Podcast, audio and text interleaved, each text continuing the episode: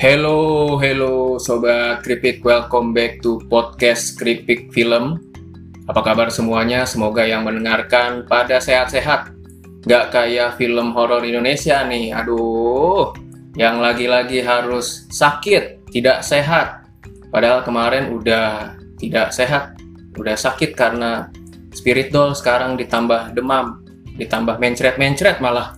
Karena kedatangan film horor berjudul Kutukan Sembilan Setan. Dari judulnya mah kayaknya ngeri, padahal isinya suram sekali. Film horor kayak gini kenapa ya? Always tidak merasa bersalah, bersembunyi dalam alasan ya film horor kayak gini yang laku gitu. Atas nama pasar katanya. Pasar penonton kita tuh katanya ya demennya film-film horor kayak gini padahal mah bullshit anjing. Bullshit lah berak lah. Itu mah alasan aja biar eh, bisa terus bikin film horor instan bikin film horor goblok yang males kayak gini kayak kutukan sembilan setan ini.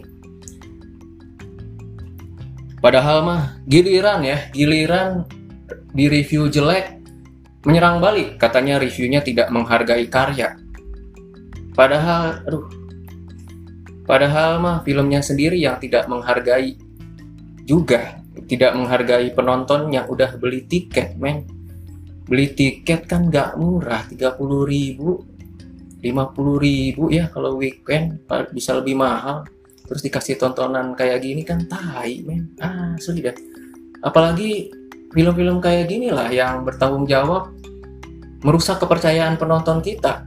Lagi-lagi udah dibangun se sesusah payah, susah payah dengan susah payah kembali dirusak kepercayaan penonton kepercayaan penonton horor Indonesia tuh sama film-filmnya kayak gini gitu. Ada Kodrat, ada Inang, ada Ivana, ada Pengabdi Setan yang udah susah payah ngebangun kepercayaan nih. Bisa loh kita bikin film horor yang bener-bener gak cuma penampakan gitu tapi juga ada ceritanya terus dengan teknikal yang juga mumpuni gitu eh nongol film model berak kayak kutukan sembilan setan yang kembali justru ngeberakin penonton dan ngeberakin kepercayaan penonton gitu.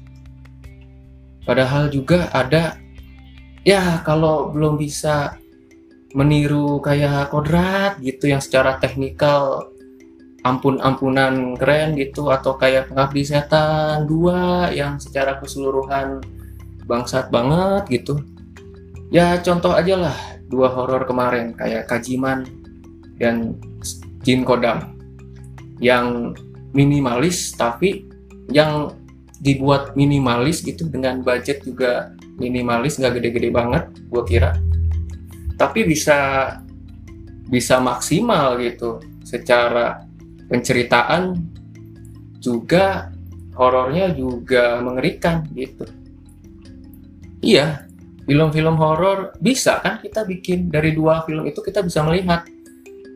Kita bisa nih bikin film yang nggak cuma bermodal penampakan gitu tapi juga memuja cerita gitu. Kutukan sembilan setan tuh kayak horor yang nggak move on yang nggak bisa move on dari era horor 2010-an di mana emang formulanya itu 10% cerita rusak dan 90% jump scare berak. Ya nggak sih? Skrip filmnya tuh kayak berhenti di halaman 2. Selanjutnya mah udah tinggal isinya mah penampakan-penampakan aja lah ini. Penamp apa di Kutukan 9 Setan tuh.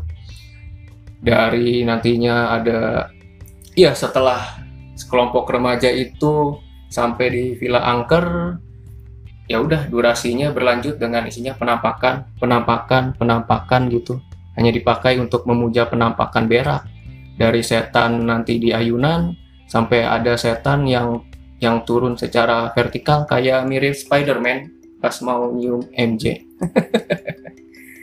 aduh babi-babi banget asli goblok banget.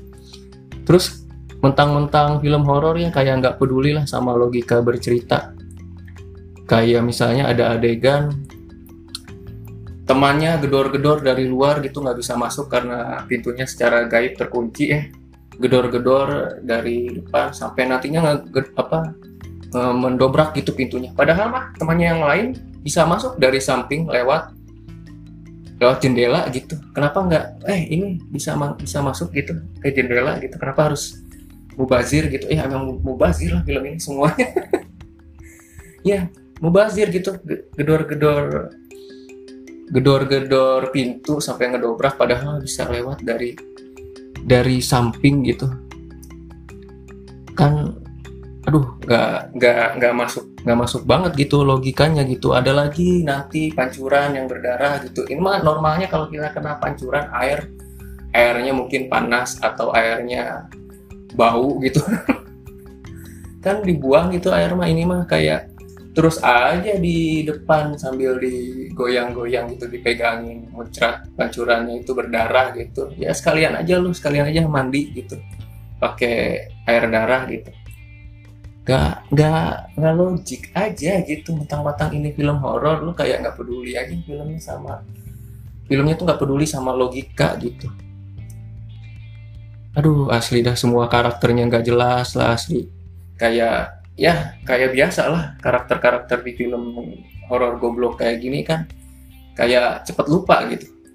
Nanti adegan sebelumnya dia ditakut-takutin digangguin setan adegan selanjutnya kayak lupa kayak nggak terjadi apa-apa. Jadi kayak jadi nanti wajar-wajar aja tuh ketika tiba-tiba filmnya tahu-tahu muncul adegan liburan ke Bromo dan adegan apa liburan ke air terjun kayak message tersembunyi kalau lu digangguin setan di Villa Angker ya udah ditinggal aja liburan ditinggal aja ke Bromo ditinggal aja ke air terjun. Biar lupa kalau lu tuh digangguin sama setan. Ya abis itu balik lagi gitu ke villa angker gitu. Aduh asli lah. Terus mobil lu Pajero tapi lu nyari villa yang 500 ribu itu apa ya secara di secara akal gitu tidak masuk di akal gue gitu. Apa ini gue terlalu bodoh untuk mencerna logika film ini?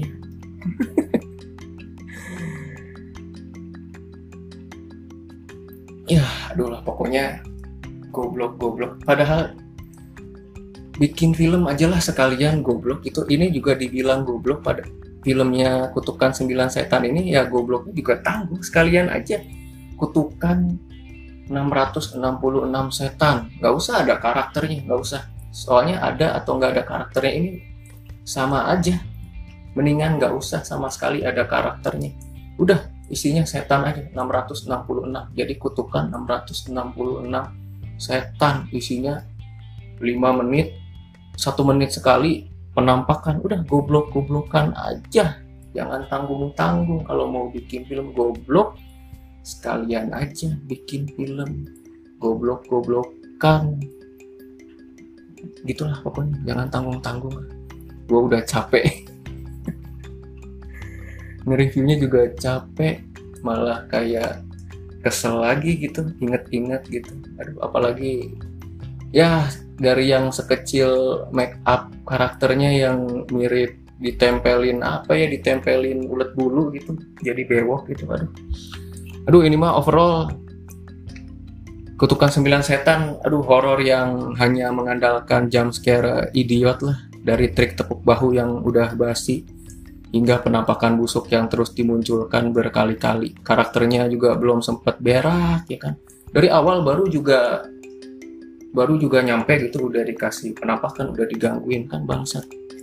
Ya udahlah makanya belum sempat juga karakternya berak, otak kita sudah duluan kena katarak.